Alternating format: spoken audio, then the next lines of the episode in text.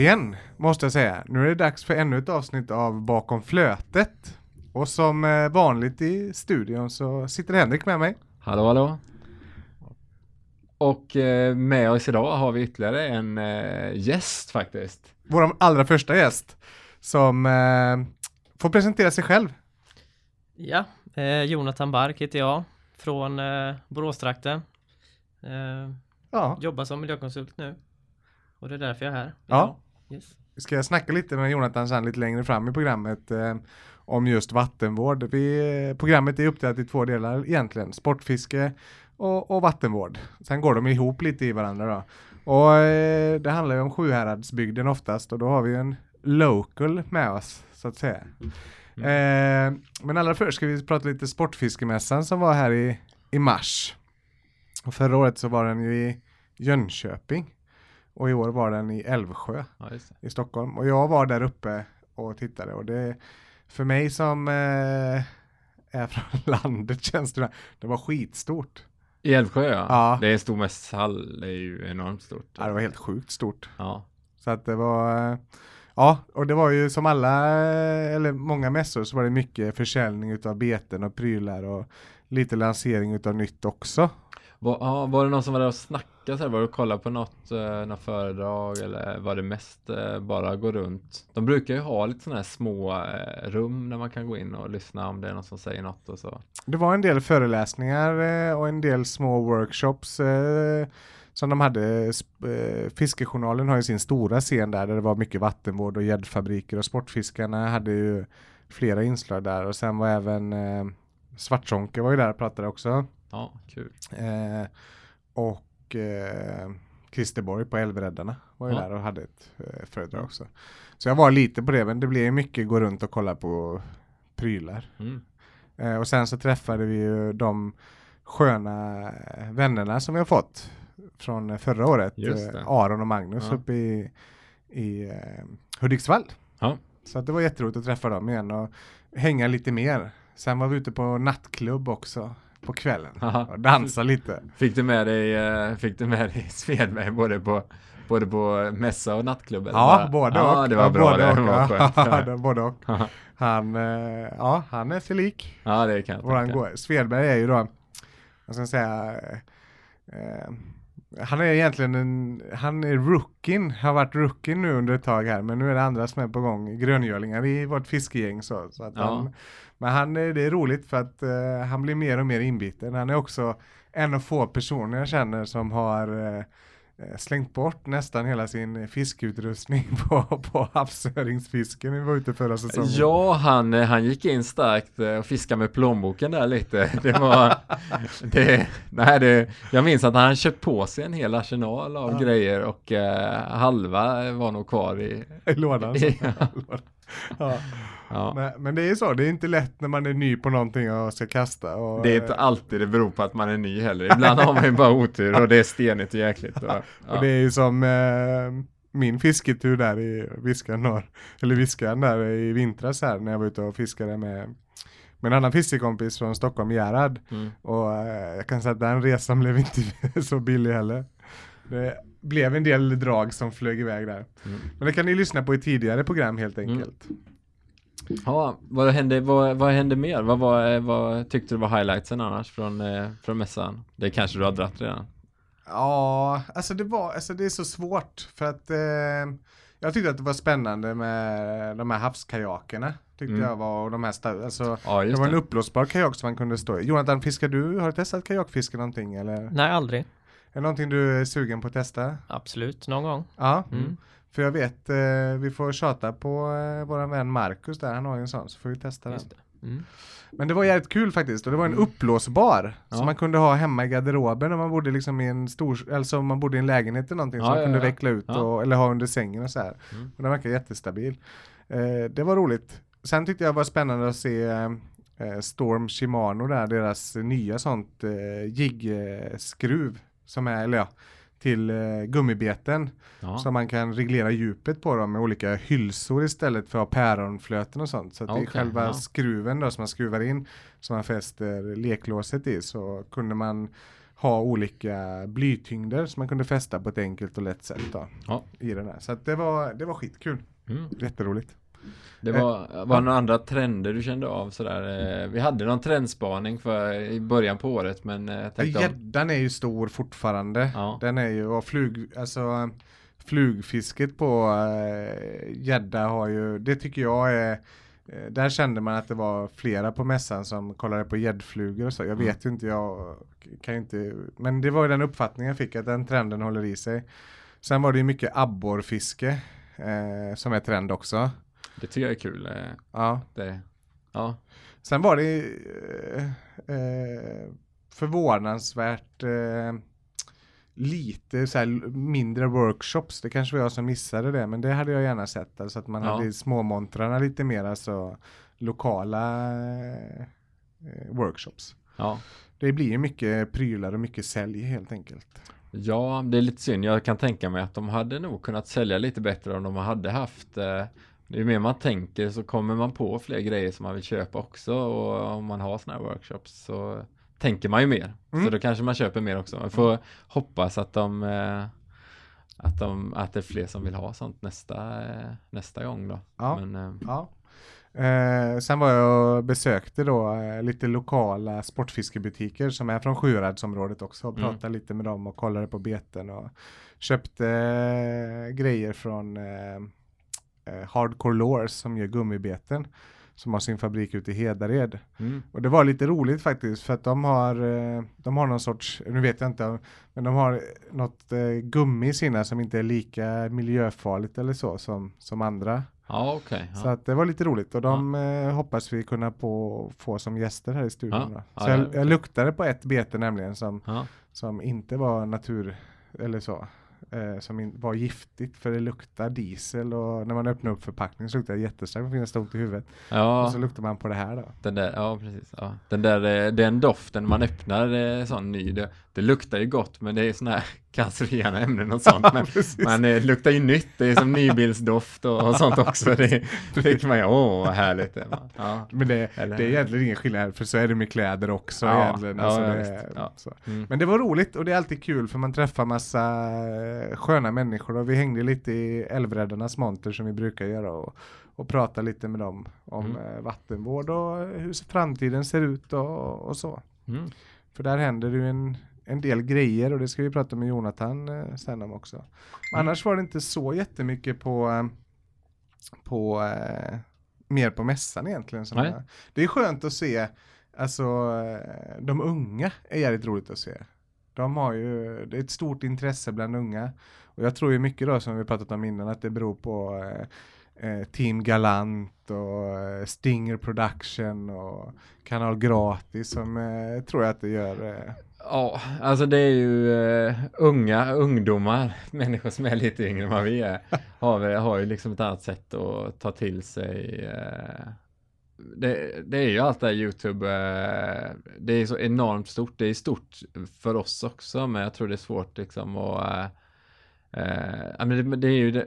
Vi kanske är lite, lite för gamla. Nu tittar jag ju aldrig på tv, men man märker folk som kanske bara är fyra, fem år äldre än vad vi är. De, de tittar på tv och vi tittar inte på tv. Och Nej. går man ytterligare fyra, fem år yngre, då, då, eh, då är, har man ju inte, alltså det är ju knappt så, så jag kan tänka mig att de pluggar in antennkabeln i, överhuvudtaget. Eh, utan det, de har liksom ett annat sätt att ta till sig media och då när det dyker upp de här grejerna, då det är klart att det, det blir hett då. Ja, det blir det. Mm. Och det, en hel del säger ju om oss också egentligen. Mm. För att eh, det var ju en, en eh, ungdom som tipsade om eh, Instagramkonto Ja, för bakom flötet. Det hade inte, och min fru har ju det. Hon bara, "Ah, Instagram måste ni skaffa er. Det, det är bra. Och Ja. jag bara, ska det vara nödvändigt? ja, Men Jonathan, du, hur, hur, hur aktiv är du på sociala medier? Hur använder du det verktyget? Jag har ju en hemsida i företaget i alla fall. Mm. Och ett Facebook eh, företagskonto där. Ja. Har du företags-instagram eller är det personligt Nej, Instagram? personligt. Pins- Så personligt. där ligger jag efter lite. Mm. Så Mm. det finns mer att göra. Men jag har väl någon idé om att göra någon Youtube-kanal också någon gång i Ja. framtiden. Ja, spännande. Det tror jag, är- det gör ju sig eh, bra på, på Mm. film på något vis. Det är ett bra sätt att dokumentera och visa vad man gör. eh, Så att det, det är nog väldigt smart idé. Ja. Eh, för att eh, ni filmar en hel del med en del arbete ni har gjort i Mörarp också. Eh, om jag har förstått det rätt. Ni, ja, det stämmer. Mm. Mycket timelapse. Mm. Man sätter upp många bilder till en Mm. film. ja, Det är ett väldigt effektivt sätt att visa hur man jobbar. Så man kan få med en hel dag på en halv minut liksom. ja, det är bra. Det är Ja. jättebra. Jag har nämligen tittat lite på, eh, jag var ju delvis med, eller delaktig innan ni öppnade upp ett eh, gammalt vandringshinder där och det är rätt coolt när man tittar på det på, på film. Ja, Yes. jag har sett eh, något Mm. sånt klipp också från er vet jag. Mm. Eh, om det till och med är det som är vid kvarnen där precis. Precis, Ja. Möllas kvarn. Ja, Ja. men, det ska vi återkomma till Ja. lite så att vi ska, men vi tänkte så här att eh, eh, vi, vi får inte glömma av nu att den första april har ju varit och det, då är det ju havsöringssäsong. Och eh, hur har havsöringsfisket gått Jonathan? Eh, dåligt. 0% fångst. En tur och är bom. Ja, Bomtur. bomtur. Ja. Ja. Tyvärr. Henrik, har det blivit någon havsöring? Eh, nej, den, det tillfället som fanns då, eh, då var jag ju eh, ensam hemma med, med barn och det blev inget, eh, det fanns inget det var ingen barnvakt som ville gå upp sådär vid, vid halv sex, halv fem på morgonen för att komma och, och hämta. Jag försökte lite övertyga men det var, nej det, det tog, tog stopp där så att jag har inte hunnit ut. Nej. Nej. Och jag har varit ute på två turer men det har också varit helt bom alltså. Mm. Och det är väl så att eh, Ska jag vara helt ärlig så har det varit fyra turer nu, två förra året också utan havsörings liksom. Och eh, nej, det är inte bra för självförtroendet. Nej, inte. Men jag har haft eh, nu när vi var ute Eh, inte, vi var ute i söndags här men då hade vi med oss lillgrabben så det var mer utflykt för att få honom intresserad och så. Mm. Så han lärde sig ett nytt ord som han går och säger där hemma och mm. varenda gång, varenda gång han, eh, vi pratar fiske så skakar han bara på huvudet. Och så frågar han så här, hur gick det Anton? Det blev bara bottennapp. Bottennapp, det har jag haft med Men eh, vi hade lite följen och sånt eh, innan. Men jag upplever att det har varit en trög säsong om man hör på andra också. Vad, vad är din uppfattning Jonathan? Det verkar stämma faktiskt. Om man följer Facebook eh, inläggen så verkar det vara få fiskar med stora fiskar. Ja, ja, ja Så lite det är känslan man får. Men kör du fluga, spinn eller vad? Nu är det bara fluga faktiskt. Det är bara fluga? Ja, för några år sedan var det både och. Ja. Och innan dess var det bara spinn. Bara spinn, ja. Vad, eh, vad, vad är ditt stalltips på flugor liksom? Vad är det som brukar generera mest tycker du? Alltså nu är det ju Jonathans stalltips här. Geografiskt eller eh, Ja, metod? ja, metod och geografiskt. Jag brukar vara mycket nere vid Särö faktiskt. Ja, det ja. har funkat bra för mig. De, jag fick en havsöring där på 5,8 kilo för några år sedan. Oj. Oj, det är ju Så jättebra. Det är ju riktigt, Det är riktigt därför bra. man går dit ofta efter det också. Ja. Äh, vad roligt. Mm. Gud vad roligt. Ehm, Vad tog du den på? Det var spinn. På spinn? Viking Herring Ja. heter det va? ja, ja. Eh, svartsilvrig. Svartsilver. Ja. Ja, svartsilver. Det, Mm. Annars brukar jag oftast eh, man prata om orange. Orange och rött. Så, ja, men, ja. och svart. Svart. Mycket nu Ja, svart verkar det mycket. som. Ja. Mm. Ja, det, är, eh, det är riktigt, ja jag är imponerad över den havsöringen. Det, Det var bara tur tror jag. ja, mm. Ödmjuk. Ja, ja. Yes. Jag hade sagt så nej det beror helt på skicklighet. Va? Det, nej, nej det är det inte. Inte, Ja. inte där det kommer. Nej men vad roligt, jätteroligt. Eh, men eh, hur, hur ofta fiskar du havsöring då? Hur, hur, hur många brukar du ligga på? Alldeles för sällan Ja. känns det som. Ja, Eh, ibland, ja, några gånger i månaden i bästa fall. mm, Eh, inte mer än så, nej. tyvärr. Du, bo, du är ju från de här trakterna men du bor ju i Göteborg nu. Yes, Hur är, hur, eh, jag och Henrik har pratat lite innan om det här med kollektivtrafik och åka och fiska och Ja, testa precis. på. Hur funkar det att ge sig iväg? Använder du bil då, eller tar du kollektiv, kollektivtrafik? Ja, 99% så tar jag bil. Ja, Eh, ja. Det är få ställen man kan ta sig till med buss faktiskt. Det är väl lilla Varholmen kanske som är bra. Annars är det svårt. Det händer ju det att man ju ser folk tid. stå och så här spinnfiska lite sådär också ute vid Saltholmen och sånt. Ja. Men det är ju inte Men det är ändå en halvtimme spårvagnsfärd. det är Ja, det och jag vet inte alls hur bra det är. Jag har själv aldrig eh, varit där och fiskat. Det är nog eh, ganska bra ja. tror jag. Ja. Jag har inte själv fiskat där någon gång. Nej precis, nej. Jag har också sett folk ända inne vid brofästet där vid, eh, Mm. vid Götaälvbron. Eh, sett några stå. Men jag, det känns ju också lite nästan som att fiska i en Men- kanal ja. alltså. Men, Men eh, där kan man få fina Mm. fiskar faktiskt. Ja, Min morfar brukar få där när vi åker dit. ja, Eh, Ja. Under Älvsborgsbron. under Älvsborgsbron. Mm, Ja, Så det är hemligt tips. det är ett hemligt tips. Ja, Ja. det var jättebra. Och där är säsongen förlängd också. Så Ja. där får man fiska i oktober, halva oktober. Ja, det är så. ja, Ja, ja. Så Mm. det, ja. mm. Ja, vad spännande. Eh, själv blir det inte så mycket havsöring för mig. Jag fiskade mycket förut, men det Mm. har blivit det har blivit mindre och mindre. Och förut körde jag bara fluga, men nu har jag blivit, gått över lite till spinn på äldre dagar. ja. Så jag vet inte varför egentligen, för fluga är ju roligare, alltså på ett sätt. Men jag gillar spinnfisket ändå, alltså det, det, det, det skiftar ju. Mm. Ja, Henrik, eh, eh, vad var det jag skulle fråga dig? Jo, vi pratade om det alldeles nyss, färger. Ja, precis. Nej, vi, det har ju varit, eh, vi har ju pratat lite om att vi ska eh, börja tävla i gädda då.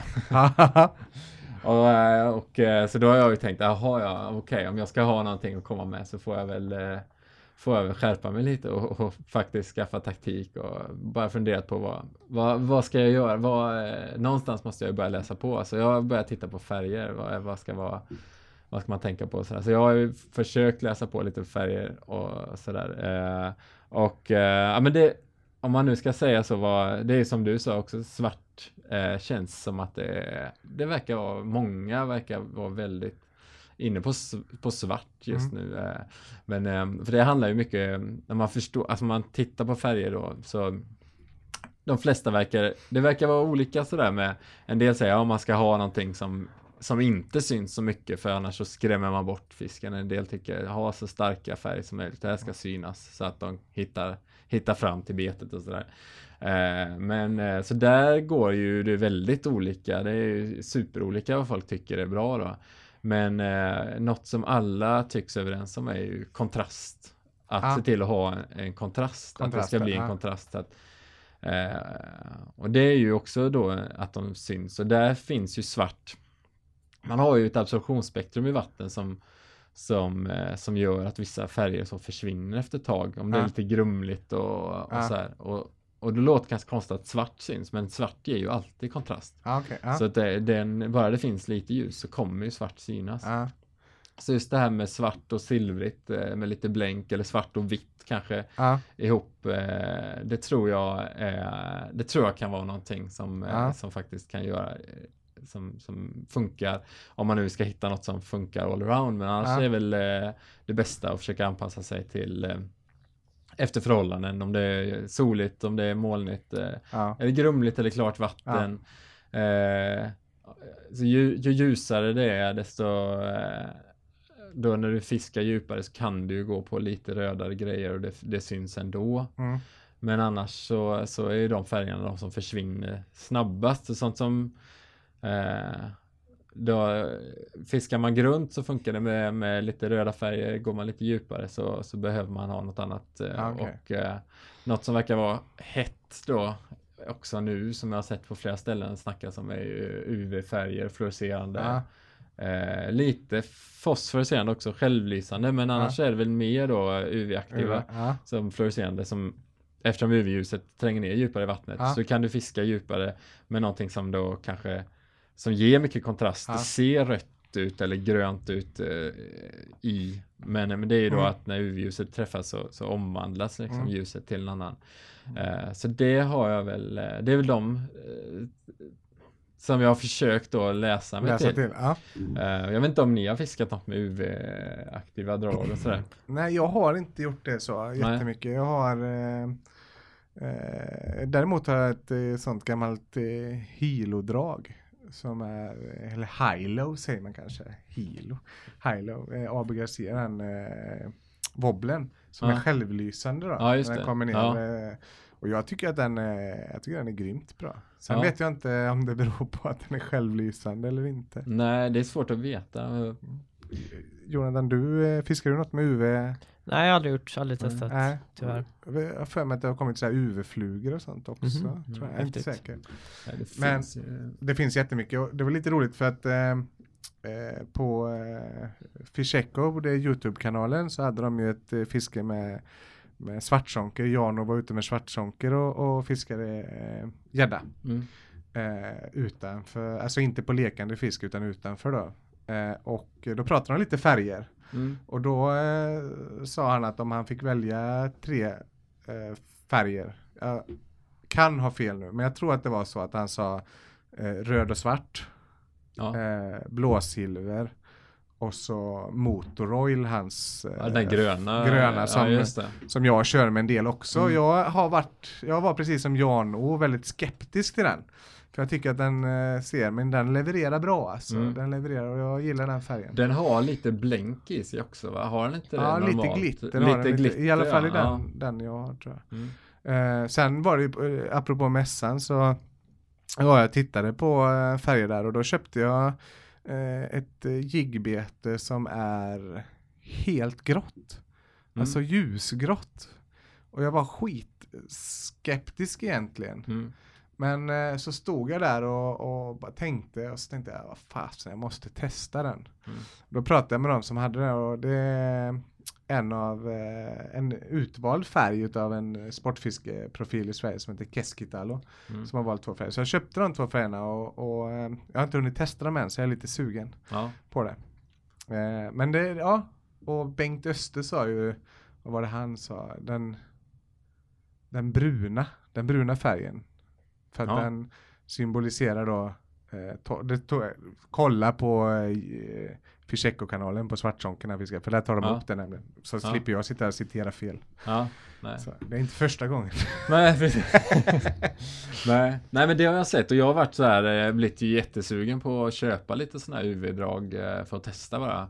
Men sen så tyckte jag läste någonstans att det finns spray också. Man kan spraya på eh, och då syns ju inte det. Den syns ju inte för, alltså, för oss då om Nej. bara är någonting som en färg som eh, som är rent UV, Rent UV, eh, ja. rent UV då, som man kan spraya på. eh, Det låter ju nästan som att de skulle kunna sälja på det. låter så här homeopatiskt nästan. Det är något man inte märker av. men, men, bara bara va- vatten som man sprutar men, men, nej, men så det lät ju också intressant. Men så vill man ju veta vad det är i och man vill ju, och det är samma mycket med sånt där. Jag tror inte det är något, det är nog inte farligare än några andra ämnen eh, om det ja, det, det, kan, det är svårt att säga. Det är, man, det är alldeles beroende på vad man har i. Men eh, det har varit kul. Eh, Jag vet det finns ju ehm, finns ju eh, lite forskning och så som, ju- som ligger rätt nära min egna forskning som jag har gjort. Där, eh, där de gör eh, specialanpassade plaster och sånt. Man liksom kan få polymerkedjan att vrida sig så man får exakt den färg man vill och sådär. Som inte alls har med fiske att göra men, eh, men det hade varit spännande att se om man, om man skulle kunna låna lite därifrån. Och, och slänga på sina drag, måla på då. Det hade varit Men- jättekult. Ja, det hade varit kul att, se om man kunde välja Det, våglängd. det är så när Henrik pratar om sin, sin forskning och jag fattar ingenting. det, är- det är liksom, det är så att, Henrik, vad är det i korta drag? Som jag gör? Ja. Det, det, det, I det här fallet, det är organisk elektronik då. Ja. Så det är ledande plastmaterial. Ja. Eh, halvledande plastmaterial. Eh, så, och då i och med att de är halvledande så absorberar de ju ljus i, kan man ju få dem att absorbera ljus i en våglängd och kanske släppa ifrån sig eller en annan då, och sådär. Och de har ju eh, bandgap och så vidare som det heter i, eh, i eh, ja. Ja, Så att, det är eh, som sagt var, I'm lost. ja. Men det kan ju vara bra för någon som, som är färgbranschen. Du kanske blir kontakt med Ja. Henrik och hoppas. Ja, det hade ju varit, det hade varit något spännande. För, Ja. Då får jag ju höra av mig då till, till, Ja. till Chalmers-gänget som, som är duktiga på, Ja. på just de grejerna. Ja, spännande. Ja, Ja, Mm. det är ju eh, färg, det fanns ju en gammal eh, teori, jag vet inte om du har hört den, att fiskare är färgblinda. Fanns det en gammal teori där man, att färg inte hade någon riktig betydelse. Och, man får ju höra det. Och eh, det behöver ju inte vara, jag, jag har tänkt lite på det också, en Ja. del säger att eh, de är färgblinda, att det inte har någon betydelse. Men det skulle väl också spela in på kontrast, för kontrast kommer de ju se ändå. ja, Eh, och vissa, om färg, just de ljus, eh, om ljuset inte Ja. tränger ner så att det inte syns, då, då spelar det ingen roll man kan ju se skillnad på ljus och mörker även om man är färgblind Ja. och sådär. Men jag vet inte. Nej, nej. Eh, så det kanske inte spelar roll om de är färgblinda eller inte. Vissa färger syns ju tydligare även om man är färgblind. Ja, okej. ja. Eh, jag tänker lite på våran goda vän Erik som är färgblind. Ja. Som har eh, sitt favorit, sin favorit jigg som han alltid kör med gul och blå där på när han kör gös. den är inte alls gul och blå. Den är, är den gul och någon fan lila tror jag. Han, han ser ju inte skillnad. Men eh, han ser ju att det är skillnad i, i färg och Ja, alltså han ser ju kontrasten, kontrasterna, ja. Och det gör ju fisken med tydligen Ja. då. För att det är ju det han fångar bäst på som Ja. jag har förstått det. Så eh, det är hans säkra kort då. Sen är det ju lite det också att jag tror att eh, kontrasten tror jag är jätteviktig. Sen är det ju lite så också att man får en specialfärg för att man har fångat mycket på den och sen nöter man på den för att man liksom, man vågar inte testa någonting annat. Nej, För att det är den som levererar.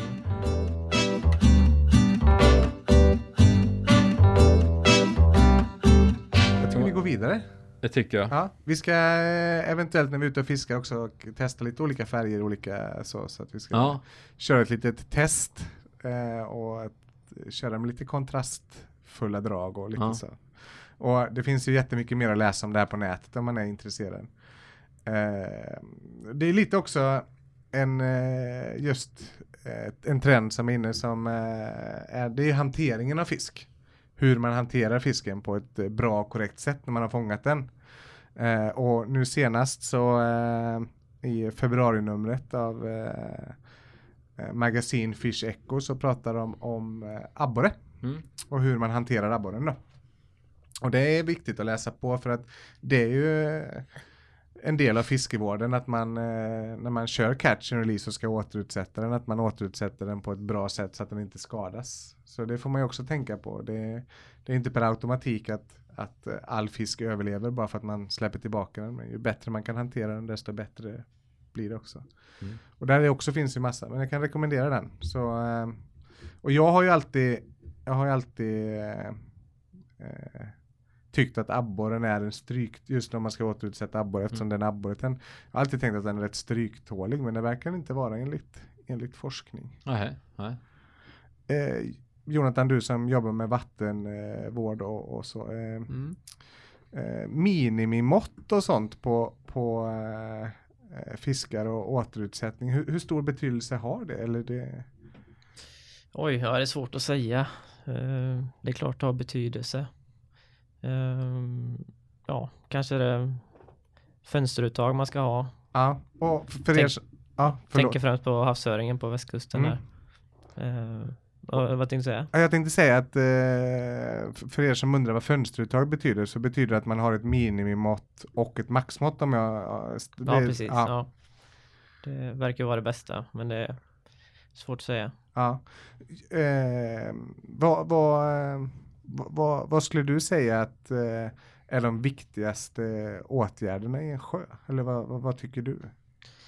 Oj, ja, sjöar håller jag inte på så mycket med just. Nej. Men eh, det är väl framförallt att förbättra ja, vattenkvaliteten såklart. Ja, Eh, grumligheten och ja.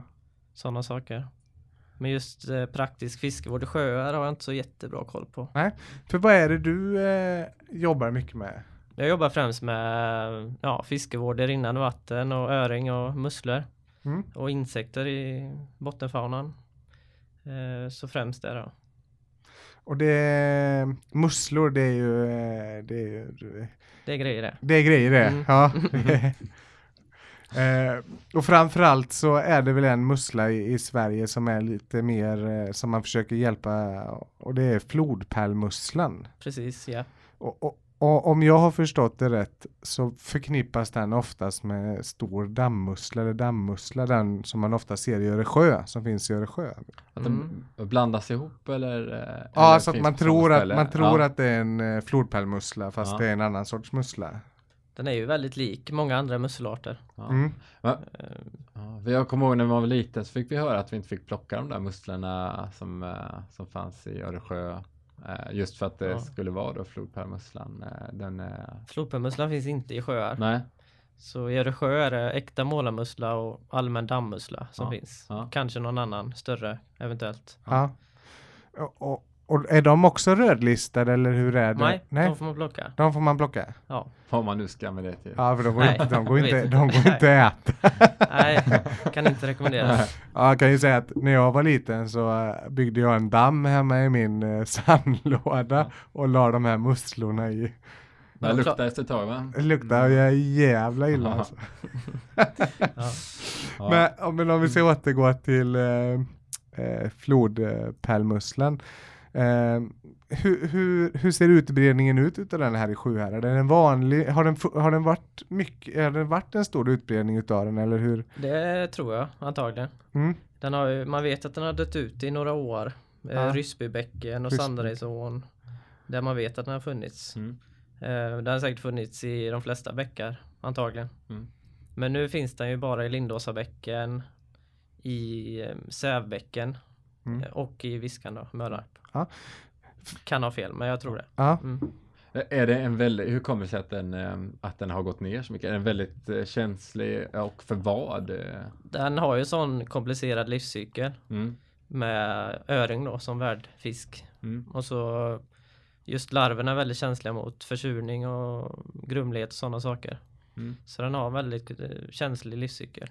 Ja. Men själva musseln i sig är ju väldigt tålig. Ja, just det. Så de finns ju kvar i många hundra år. Ja, Som, de- eh, ja, De kan bli så gamla en individ. upp mot eh, 300 år kan de bli Ja, ungefär. ja det är fascinerande. Produce- reproducerar den sig under hela den årscykeln eller blir den Ja, liksom? jag tror det faktiskt. Ja, Ända in i slutet. ända in i slutet. Ja. För om man då, om man då tänker på de här, eh, för, för det, är, det, är inte, det är inte den stora öringen som är värdöring heller utan det är den lilla Nej, ofta de ensomriga. Ensomriga. och tvåsomriga ja, öring. tvåsomriga Ja. öring. Sen blir de immuna mot larverna. Ja, Okej. Mm. Har man, eh, vet man hur stor, eh, har man, liksom, kan man ta upp en öring och titta i ällocken då och se hur många larver det är eller hur, kan man, eller Det kan man göra med mikroskop. med mikroskop? Ja. Framåt vårkanten när de har blivit eh, lite större larverna så kan man se dem tydligt. Eh, på hösten är de ju pyttesmå. Pyttesmå. Då är det ja, svårt. är det svårt. Ja.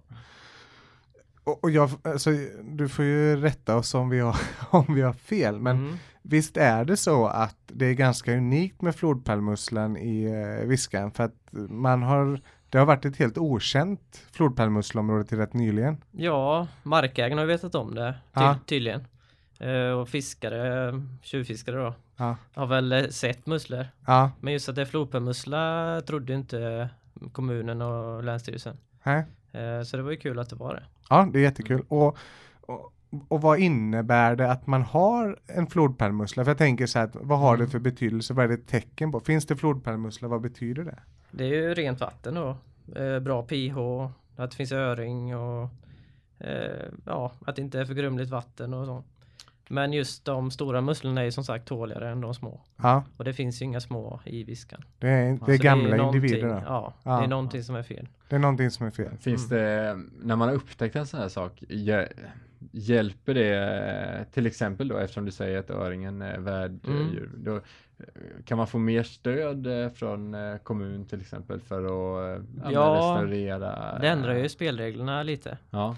Och man kan ju söka EU-pengar för den. Mm. För den är med i art och habitatdirektivet. Mm. Och den är fridlyst och så. Så man kan ju ställa mer krav på ja, vattenkraftsägare och allt som påverkar den. ja, just det. Så det är ju bra att den finns. Mm. För oss vattenvårdare. Hur ser, alltså, vi har ju pratat lite om Munkån och, och, och så. Vi har pratat om Viskan norrområdet i tidigare program. Men hur ser, hur, hur ser öringpopulationen ut i de här områdena? Om vi tänker oss Sjuhärad. Jag vet att det finns projekt Ätran Mm. eh, nere mot Svenljunga. Mm. Där man har ett, eh, vad ska man säga, ett sorts, eh, pro, eller ett sorts eh, provfiske med hjälp av flugfiske. Och det verkar vara ett ganska bra bestånd i de eh, vattnen, eller hur ser det ut? Alltså det är så svårt, jag skrev en artikel för ett tag sedan eh, om knallöringen som jag kallar den, Mm. storvuxna öringen som en gång har funnits i de här eh, trakterna. Hur ser det ut med, med öring? Åker man upp till Jämtland, åker man upp norr så är det ju storvuxna öringar och Mm. så, hur ser det ut runt omkring här? Eh, det ser väl hyfsat mörkt ut på många håll här nere också. Eh, de varierar ganska mycket mellan åren i många bäckar. Mm. Framförallt havsvandrande bestånd. Mm. Eh, så det finns mycket att göra Och i Mm. Viskan är det ju under genomsnittet Ja. i regionen. Så I det är ju något som är fel där. Ja. Så, Hur, alltså, Kan man, kan man spåra hur liksom spåra från havet uppåt var någonstans eh, där man helt plötsligt Mm. kan märker man oj här fanns det helt plötsligt inte längre öring eller hur, hur funkar det? ofta är det ju vandringshinder då. Ja, Eh, För annars så finns det nog inga hinder alls för Nej, dem. nej. Just havsöring går väl ganska långt upp. hur, hur långt kommer havsöringen i Viskan? Eh, det är väl Skene, Skene? Ja, Kung, Kungsfors kraftverk. Kungsforska. Mm. Och det är Hur- synd. Det är, ja, och, och hur ser det ut då om man tänkt, om vi, om vi tänker då, eh, för man pratar ju oftast om att eh, eh, det finns, eh, vad ska man säga, att det finns naturliga hinder som de inte har tagit sig förbi, där det Mm. finns kraftstationer då. Eh, Men säg då, om vi, om vi leker med tanken, vad skulle hända om man hade faunapassager och, och eh, förbifarter bara, om vi, vi tar Borås eh, kommungräns, om fisken kunde vandra liksom fritt från, från Viskafors ända upp till Marsjöarna, vad skulle hända liksom? Vad tror du skulle hända? Oj, ja det hade väl blivit Ja, havsvandrande fisk har ju fler ungar oftast. Så Ja. det blir högre tätheter och musslorna hade klarat sig bättre. Ja, Eh, och fisketurismen hade ju kanske blomstrat ännu mer. Eh, Ja. Mm. Så det är ju massa positiva effekter. ja. Men eh, du har ju grävt i det va? Om, om fiskarna kommer så långt upp? Eller? Ja, Nej det var Ö- Öresjööring Ja? Öresjööring har jag försökt leta i och, och, och just eh, för förutsättningarna. För, för vi har ju sett att det har eh, gått upp riktigt stor Mm. öring i Viskan norr om Borås. Eh, och du tappade i och för sig en öring nere vid Ålgården. ja Så, eh, precis. Eh, och jag har också tappat en eh, öring vid Almenäs. Mm. Eh, men inga sådana jätte stora. Men vi har ju sett då eh, att det går, alltså att det borde ju finnas insjööring då, det- för det är det vi har luskat efter. Mm. Men jag har liksom inte riktigt hittat och jag har hört folk berätta om eh, eh, på 80-talet att de har fått stora öringar i Öresjö. Mm. Och jag vet i Ärtingen, där vet jag, det är, Ärtingen är, för er som inte är bekanta med området, så är det så att Ärtingen är en källsjö som, eh, var, som, är, hör, eller som har connection, vad heter det? Sammanbunden. Sammanbu- heter det? ja. ja. sammanbunden med Öresjö med hjälp av Munkån. Och där i finns det ju mycket eh, bäcköring då, den mindre Mm. varianten. Och i Ärtingen där då, som är en mindre sjö än Källsjö, där i har- vet jag att eh, man har fått eh, öring för om åren. Jag har till och med sett foto på det. Så att det vet jag. Men Öresjö har jag inte hittat någonting, det verkar svårare. Men det borde ju finnas, det är en större sjö, eh, den är djup. Eh, det är i och för sig inte så jättetillgängligt eftersom det inte finns någon typ allmän båtramp så det är inte så många som, kan, som fiskar aktivt efter den heller. Men eh, det hade ju varit jävligt spännande om det är någon som lyssnar som har eh, foton eller Borås Tidning-klipp så får ni gärna mejla in dem på bakom flötet podd gmail.com. Mm. Med två D i podden. Ja, på, ja precis. Ja. Eh, nej, jag, jag har inte hittat någonting Nej. på det. Men det är väl en ganska flitig debatt där om Kungsfors just. Ja, Mm. Om de har tagit sig förbi där historiskt. Och Mm. det är ju ingen som vet. nej. Så det får de också mejla in gärna om de Ja, vet om de sånt. vet det. Ja, Ja. det är jättebra. Det är jättebra. Och har ni gamla foton och sånt? För det har jag letat efter också på de här vandringshindren, hur det såg ut innan den stora utbyggnaden. För oftast gjorde man ju en, en till utbyggnad, det var ju oftast mindre kraftverk Mm. på 1800-talet. Och sen så liksom snappade man upp och bygg, eller snapp, men byggde upp dem på 1900-talet. Så har man gamla foton eller någonting eller gamla målningar så fota det och skicka in. För det är också intressant. För det är inte så att att de kraftverks, kraftverken vi har idag, att de har stått där sedan första utbyggnaden, utan de har byggts på och, och, och Ja, utvecklats. det måste varit en väldig, man kan ju tänka sig om man bara, eh, ja men just när eh, alla de här bruksorterna som ligger längs Viskan, det är ju fruktansvärt många som Mm. ligger eh, eh, och det har väl inte kommit igång, det var, måste ju varit med, alltså, det måste ju varit efter industriella revolutionen på något vis. Det är inte så länge sedan, det handlar om 100-150 år max. Mm, mm. Så att, eh, För jag vet, jag hittade ju en bild på spetsfabriken på den gamla forsen Mm. och gamla dämningen och den såg ju helt annorlunda ut än vad den gör idag.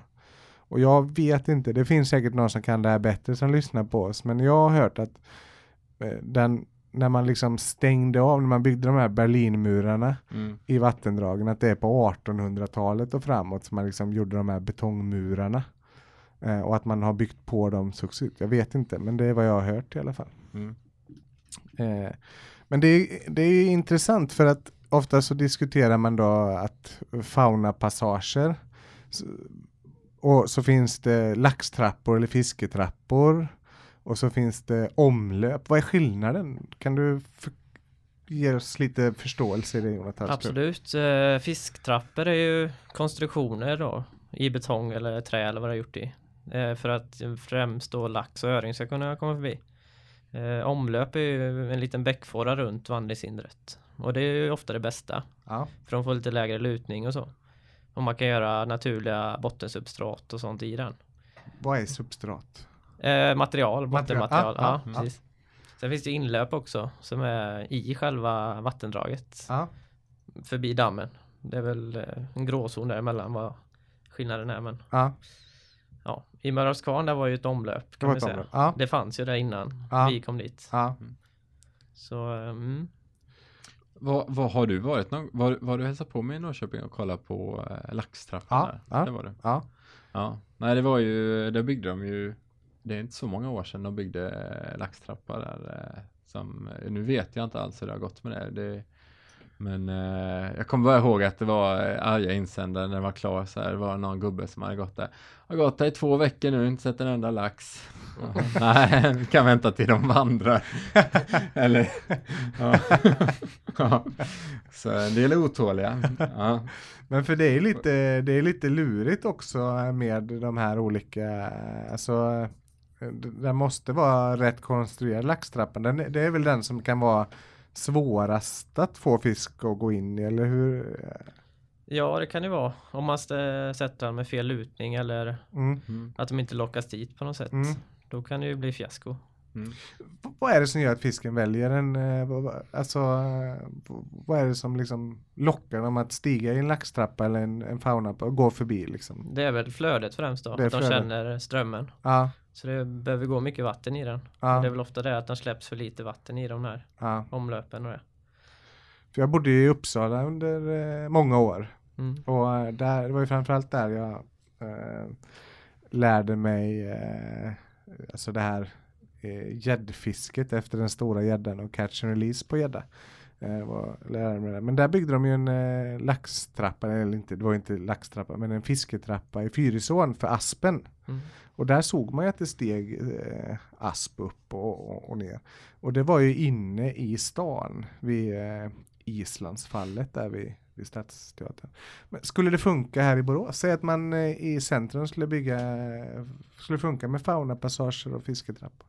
Absolut. Eh, sen hade man nog inte sett så mycket fisk här för det är ju så djupt i, Mm. i Borås. Mm. Och det är inte så mycket strömmande partier. Nej, Eller inga inte inne i i alla fall. stan. ja. Nej. Nej. Men det är i framtiden när vi har byggt ut förbi alla kraftverk igenom. Då Ja. eh, kan det nog bli spännande. Ja. Mm.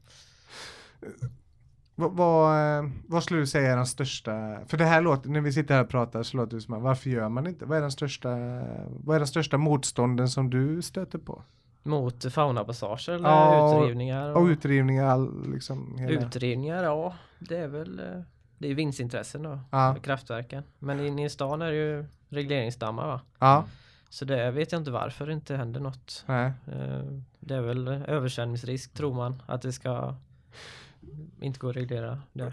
För det här är ju, för jag har ju pratat lite, för tittar man ju på eh, Viskan då och andra, eh, vet i Fyri, uppe i Fyrisån då i Uppsala om man ska ta det som exempel så ska man bygga fler, då har man funderat på att bygga fler dammar just för att eh, de här stora översvämningarna som man eh, är rädd för och de här hundraårsflödena som man pratar om också, de här jättestora översvämningarna. Här i eh, Sjuhäradsområdet, så 1951 var det ett sånt Mm. eh, stort eh, översvämningsområde. Men det jag tänker är ju att Alltså flod, alltså när man bygger de här då bromsar man ju upp vattnet. Mm. Skjuter man inte problemet längre uppströms då eller? Jo, precis det kan man göra också. Ja, Men eh, det har ju blivit så här nu när vi har kanaliserat vattendragen genom hundra, senaste hundra Ja. åren. Att det blir ju översvämningar nedströms. ja, Och så bygger man dammar på det då skjuter man uppströms istället. Ja. Men eh, så naturliga vattendrag och våtmarker och sånt behövs ju i, i systemen. Mm. Man får buffra lite helt enkelt. Ja precis, och Ja. hålla kvar vattnet. Så. Och det kan man ju då kanske eh, diskutera och fundera på det här som förs en debatt med de utdikade våtmarkerna som en gång i tiden fanns som eh, vattenbuff. Eh, Mm. så. så det kanske är ett sätt att titta på då kanske man istället för att bygga fler dammar och stänga av mer vatten att kolla på att återställa våtmarkerna. Jag vet att man gör det på vissa i vissa håll och sportfiskarna är nog med i en del projekt med att återställa Yes, våtmarker. För visst är det så Jonathan att du jobbar för sportfiskarna? Ja, inom Viskan-projektet är Mm. jag anställd av Sportfiskarna. Och vad är din roll där? Vad är det du Projektledare kan man säga. Ja. Eh, står väl för den biologiska delen mest då. Ja. Och planeringar och åtgärdsplaner och sånt. Mm. Och även då ansvarig för restaureringarna. Men eh, då är även Viskan norr om Borås med och jobbar ideellt Mm. ute i fältet. Ute i fält. Mm. Ja. Eh, jag ve- jag vet att eh, det är många som, eh, som drömmer om eh, och, och jobba med sådana här frågor, antingen sportfiske eller vattenvård och, och så. Eh, vad, vad behöver man gå för utbildning för att? Ja, jag gick ju i Göteborg då. Eh, biologilinjen. Mm. Det finns väl några kurser då med rinnande vatten, men inte jättemånga i Göteborg. Nej, Annars är det väl där uppe i Forshaga man går, fiskevårdslinjen. fiskevårdslinje. Eh, så det kan man ju välja Ja, fritt. väldigt fint. Hur lång är en sån utbildning? Eh, Fiskevårds, Ja. eh, tror den är tre år. Det är tre osäker. ja. Ja, Jag läste fem år då i Göteborg. Ja. Men det är ju, var ju inte bara fiskevård då. nej, Det var ju bara en liten del. ja. Mm. För du jobbar ju även med att kolla på älgskador och sånt. om Ja, Vad- Yes. Älg? Ja, älg. Ja, ja. älgbetesskador i Ja, skogarna. ja, Eh, Och eh, driver eget företag också. stämmer. Ja. Yes. Du kan ju berätta vad företaget heter nu när du Fontinalis. Fontinalis. Mm, ja. mm. Ja. Efter näckmossa. Efter, ja. Mm. Spännande. Eh, sista eh, frågan kring eh, vatten, eller har du någon mer fråga Henrik om vattenvård? Nej. Det känns som man skulle kunna prata om det hur länge som helst. Ja, precis. Det känns som vi kan sitta länge, ja. Eh, men jag tycker vi... Jag kommer inte på något mer så här rent nu som har med just de här sakerna, om man tänker Viskan norr om Borås och sådär och, och flodpärlmusslan och så. Eh, det har jag inte. Nej. Eh, nej. Jag har en fråga eh, kvar eh, eh, kring eh, eh, vattenvården och, och, och det här. Det är ju oftast när man pratar om våra industrier, alltså hur, hur, eh, för när man pratar om eh, de vattendragen som runnit igenom industriområden så pratar man oftast om föroreningarna.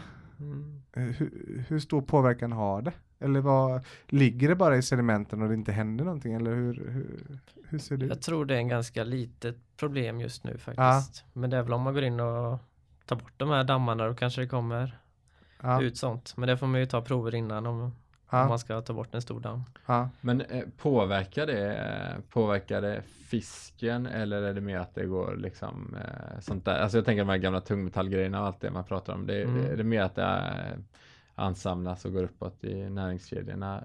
Ett Det större problem nu ha- kan väl vara ja. mediciner och sånt? Absolut. Ja. Och det är ju mer indirekta effekter då att de Ja. blir hormonstörande. Ja, precis. Men det kan väl döda dem direkt också om det är en stor gifthalt Mm. liksom. Mm. Men det... Mm. Mm, ja. Det, är, det är superspännande här och det är en del utav vi vill ju att eh, man ska jobba aktivt med Ja, vattenvård ja. för att det, det ger ju så många positiva Ja. effekter. Men jag Jag måste... tänkte jag ska bara säga, Ja. lägga in det nu, passa på att slå ett slag för det här med att lämna in sina gamla mediciner på apoteken. Eh, bara, för, bara för att säga, det jag vet inte om alla vet om det, men eh, kan vi lika gärna säga det en gång till för att eh, släng inte det i papperskorgen eller spola ner i toaletten eller något sånt. Utan ta med det till apoteket. Det är, deras, det är deras skyldighet att ta emot det och, och ta hand om det på rätt sätt. Så blir det för gammalt eller så, så, så tar ni med det till apoteket bara och så lämnar ni in det. Så måste de ta emot det.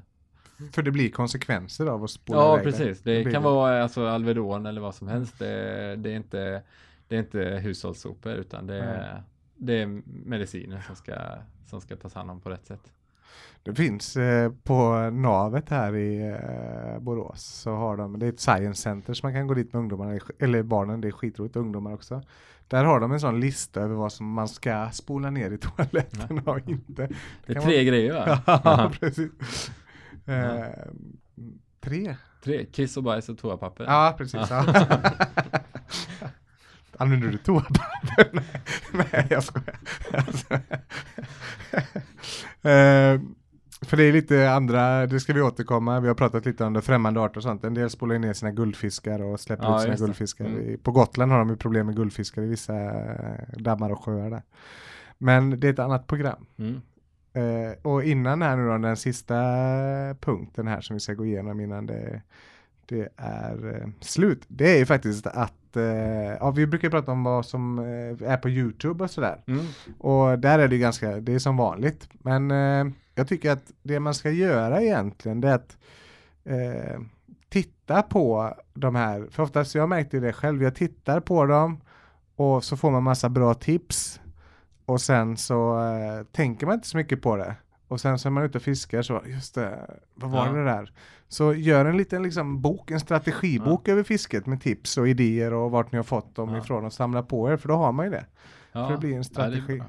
Ja, jag har haft lite, jag tycker jag har märkt att det börjar trenda, vattenvård börjar trenda, kanske inte just på YouTube, men i andra av Mm. mina vanliga kanaler. Ja, det har varit grejer på vetskaps, eh, det har, Vetskapsradion har haft lite reportage eh, det senaste, några stycken, och det har varit både om så här eh, fiskodling och eh, lite om krillfiske och sånt där, och mer havs. Eh, Mm. Och sen så, eh, man tittar i eh, filter, den här, de senaste filternumren har haft något lite vattenrelaterat också. De har pratat om att odla karp och de har pratat om krill också. Ja.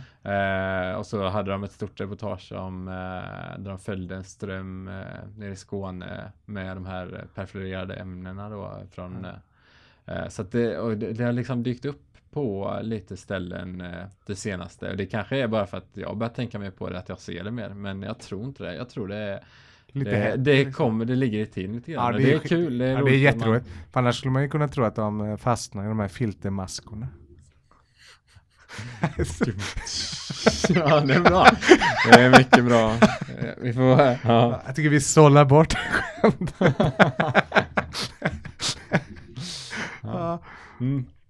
Nej. ja, blir det konstig stämning här nu jag drog ett ordskämt. vi vill också, alltså det har ju varit lite roligt för att vi vill också tacka alla som följer oss. Ja. Det har varit skitkul. Mm. Alltså, eh, och det, man blir lite så här, man har ju, och det har varit superskoj att liksom personer som Nytt Fiske och Robbo Mm. har kommenterat oss. Vi är jätteglada för det och, Ja. och eh, Fish Echo Magazine har, eh, Magazine, nej vad- Ja. ja, ja. Har, har kommenterat oss också, jätteglada och vi, vi läser ju tidningen aktivt och tycker det, vi är jätteglada och alla andra som följer oss och kommenterar oss, det är, helt, det är skitroligt alltså, det är superskoj. Känner man pressen lite här också? Men får, får försöka hålla igång det. Ja, Ja, jag blev ju, Ja. jag blev jag kan ju säga, jag satt ju på, på, på eh, jobbet Ja. och eh, läste då om eh, när vi blev, eh, när vi blev omnämnda då. Och eh, min chef var på jobbet då, så frågade, frågade så här, vad är det som händer så här? Jag bara, jag kände liksom att wow, tack. Ja. Det var skitkul, Mm. jätteroligt. Mm. Och eh, vi eh, vill även tacka Jonathan Bark för att du kom hit. Ja, Tack det, själva. Det har varit jättekul att, Ja. att ha dig här och kul att ha en gäst och, eh, och dessutom en så intressant gäst. Jag tycker det här är väldigt roligt. Eh, och sen, eh, vi får väl försöka göra den vanliga tacklistan också. Tacka Sebastian och B-Street Ja, naturligtvis för Ja. eh, att vi kan vara här och tvätt av ljud och annat och klippning. Eh, något mer som du vill eh, nämna? Och det är många som man vill nämna som Ja. finns där i bakgrunden. Jo, som, Precis, men jag tänkte om det var något mer så här innan vi syr ihop säcken för, för veckan eller för månaden eller vad det blir. Ja, precis.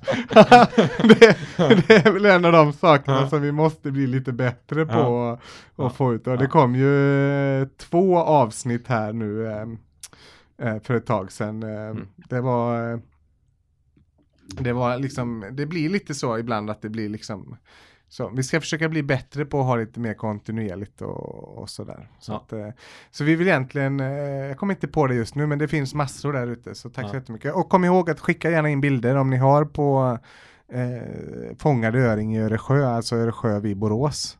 Så skicka gärna in det och eh, vi tar gärna emot det. Det här har varit Mm. jävligt roligt. Eh, och eh, ja, ska vi säga som vi brukar säga. Ja. Kör du. Ja. Skitfiske, Ja. så hörs vi. Ja. Hej. Hej. Hej.